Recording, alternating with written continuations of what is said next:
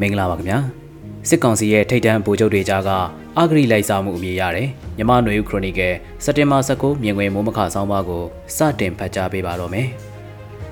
စစ်ကောင်စီရဲ့ထိတ်ပိုင်းခေါင်းဆောင်တွေအကြားအဂရိလိုက်စားမှုနဲ့စစ်ဆေးအရေးယူမဲ့တဲ့တွေကိုရခိုင်သတင်းပတ်တွေကထွက်ပေါ်ခဲ့ပြီးအခုရက်ပိုင်းမှာတော့အတီးပြုတ်နိုင်ပြီဗိုလ်ချုပ်အဆင့်ကနေဒုတိယဗိုလ်ချုပ်ကြီးအဆင့်ဒီထက်တိတိကျကျညွှန်ဆိုရရင်စစ်ကောင်စီတဲကတန်းစီစရာမှာနံပါတ်5အဆင့်လောက်ရှိတဲ့ဒုတိယဗိုလ်ချုပ်ကြီးလည်းဖြစ်သူ စစ်ကောင်းဆောင်မင်းအောင်လှိုင်ရဲ့အာကိုအားထားရတဲ့ဒုဗိုလ်ချုပ်ကြီးမိုးမြင့်ထွန်းကိုယာဒုတာဝန်တွေစိုင်းငံ့ထားလိုက်ပြီးစစ်ဆေးမြင်မြန်မှုတွေလှုပ်ဆောင်နေတယ်လို့ BBC မြန်မာပိုင်းသတင်းနဲ့ဖော်ပြထားတာတွေ့ရပါတယ်။မကြခင်သတင်းပတ်တွေမှာလူအများလက်လန်းမီသုံးဆွဲကြတဲ့ပြည်ပမှတင်သွင်းလာတဲ့စားအုံးစီတင်သွင်းခွင့်လိုင်စင်တင်သွင်းခွင့်လိုင်စင်ချပေးရမှာလက်ယူမှု တင်သွင်းခွင့်ရတဲ့စားအုံးစီတင်သွင်းတဲ့လုပ်ငန်းရှင်တွေကိုဖမ်းဆီးစစ်ဆေးမေးမြန်းရာကနေမိကိုကြွက်လျှောက်လိုင်စင်ချပေးတဲ့ကော်မတီဖြစ်တဲ့ကုံသွယ်မှုနဲ့ကုန်စည်စစ်ဆေးမှုမှန်ကန်မြန်ဆန်ရေးကော်မတီရဲ့အတွင်းရေးမှုဖြစ်သူဗိုလ်ချုပ်ရန်အောင်စိုးစီရောက်ပြီးနောက်တစ်ဆင့်မှာတော့ဒီကော်မတီရဲ့ဥက္ကဋ္ဌဖြစ်တဲ့စစ်ကောင်စီဒုဗိုလ်ချုပ်ကြီးမိုးမြင့်ထွန်းစီရောက်ရှိလာတာပဲဖြစ်ပါတယ်။ စောင်းစီပြဿနာကဒေါ်လာနဲ့မြန်မာကျပ်ငွေလဲလှယ်နှုန်းရုတ်တရက်ပြောင်းလဲလာတဲ့အနေအထားကနေ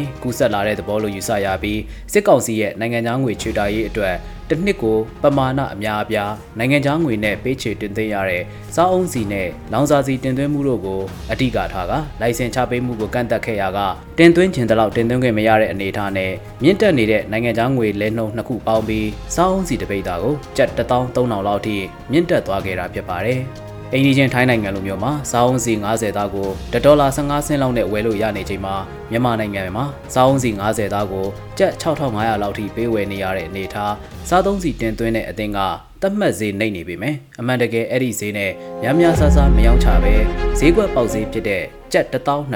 13000ထိရောင်းချကြတာဖြစ်ပါတယ် ဒီအခြေအနေတွေကစားသုံးစီတင်သွင်းတဲ့လုပ်ငန်းရှင်အသင်းကဥက္ကဋ္ဌနဲ့လုပ်ငန်းရှင်ချို့ကိုထိမ့်သိမ်းစစ်ဆေးမေးမြန်းရမှာဗိုလ်ချုပ်တွေဗိုလ်ချုပ်ကြီးတွေအထိလက်ယူမှုကထင်ရှားလာတာဖြစ်ပါတယ်။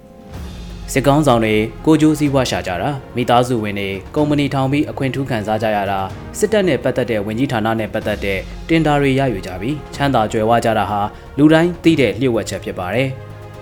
စစ်ကောင်းဆောင်နံပါတ်1ဖြစ်တဲ့မင်းအောင်လှိုင်ရဲ့သားသမီးတို့ထောင်ထားကြတဲ့ကုမ္ပဏီတွေကစစ်တပ်ကစစ်သားအရာရှိတွေရဲ့အသက်အာမခံကိုလောက်ကင်ခွင့်ရထားတာအခြားသောလူသိမ့်မသိတဲ့ကုန်ပစ္စည်းတင်သွင်းမှုနဲ့တယံဇာတတင်ပို့မှုတွေကိုလောက်ပိုင်ခွင့်ရနေတာတွေဖြစ်ပါတယ်ဒီလိုဗိုလ်ချုပ်ကြီးတွေဗိုလ်ချုပ်တွေရဲ့သားသမီးတွေနာမည်နဲ့ကုမ္ပဏီထောင်အထူးလုပ်ပိုင်ခွင့်လိုင်စင်တွေရအထူးခွင့်ရရပြီးချမ်းသာကြွယ်ဝနေကြတာရခင်နဝတနာအဖစစ်ဆိုးရလက်ထက်ကလေးကဦးတန်းရွှေဦးရွှေမန်းဦးအောင်တောင်းတို့ကစလို့ ဝင်းကြီးယာတို့ယူခဲ့ကြတဲ့ဗိုလ်ချုပ်ဟောင်းတွေဒါဇင်နဲ့ချီရှိတာဖြစ်ပြီးဦးသိန်းစိန်လက်ထက်နဲ့ NLD လက်ထက်မှာလည်း၎င်းတို့ရဲ့အကျိုးစီးပွားတွေကြီးကြီးမားမားမပြတ်စည်းခဲ့ကြပဲနောက်ထပ်တက်လာတဲ့ဗိုလ်ချုပ်တွေကနောက်ပိုင်းခွင့်ရေးတွေကိုရယူကြတာဖြစ်ပါတယ် ဒီလိုအစင်လာရှိနေလျက်နဲ့ဘာကြောင့်အခုလိုကုန်သွယ်မှုကုန်စည်စီးဆင်းမှုမှန်ကန်မြန်ဆန်ရေးကော်မတီကအတွင်းမှုနဲ့ဥက္ကဋ္ဌတို့ကိုအရေးယူရတာလဲလို့မေးစရာရှိလာပါတယ်။ဒီအဖြစ်ပြက်ကစားအောင်စီမတန်တဆဈေးမြင့်တက်မှုကိုအစဆွဲထုတ်ရာကစစ်ကောင်စီရဲ့အာကိုအားထားရတယ်။အကယ်၍များစစ်ကောင်ဆောင်မင်းအောင်လိုင်းအနေနဲ့တက်ချုပ်ယာဒုကအနားယူခဲ့ရင်စက်ခံနိုင်တယ်လို့အများကခန့်မှန်းကြတဲ့သူတွေအထိစ조사ကရောက်ရှိလာတာဖြစ်ပါတယ်။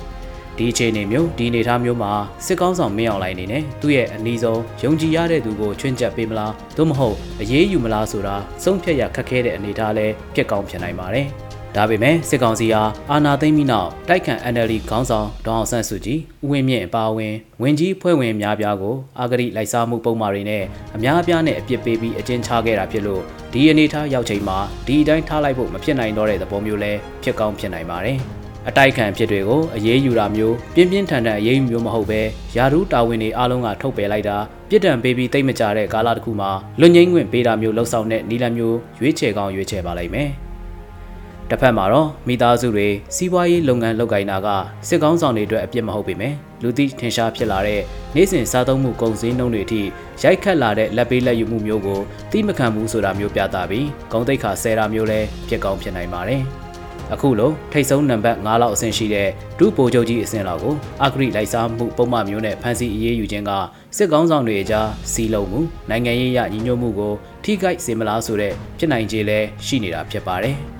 စစ်ကောင်စီကောင်ဆောင်မင်းအောင်လှိုင်အနေနဲ့အခုလိုဖမ်းဆီးဖို့အမိန့်ပေးရတာအရေးယူရတာကိုကြည့်ရင်စေအုပ်စုတွင်းကလုတ်ပိုင်ခွင့်အာဏာဟာသူတဦးထဲမှာစုပုံတည်ရှိတဲ့သဘောလဲတက်ရောက်ပြီးစစ်ဗိုလ်ချုပ်တွေကြားမင်းအောင်လှိုင်ရဲ့လက်ထက်ကအာဏာနဲ့လုတ်ပိုင်ခွင့်ကိုတတိပေးလိုက်သလိုလည်းဖြစ်စေပြီးစစ်ဗိုလ်ချုပ်တွေကြားအုပ်စုကွဲနဲ့မင်းအောင်လှိုင်ကိုအားပြိုင်မဲ့ဖယ်ရှားမဲ့ဗိုလ်ချုပ်တွေထွက်ပေါ်လာမလားဆိုတဲ့ဖြစ်နိုင်ခြေကတော့ပြောဖို့စောသေးတဲ့အနေအထားလဲဖြစ်ပါတော့တယ်ခင်ဗျာ။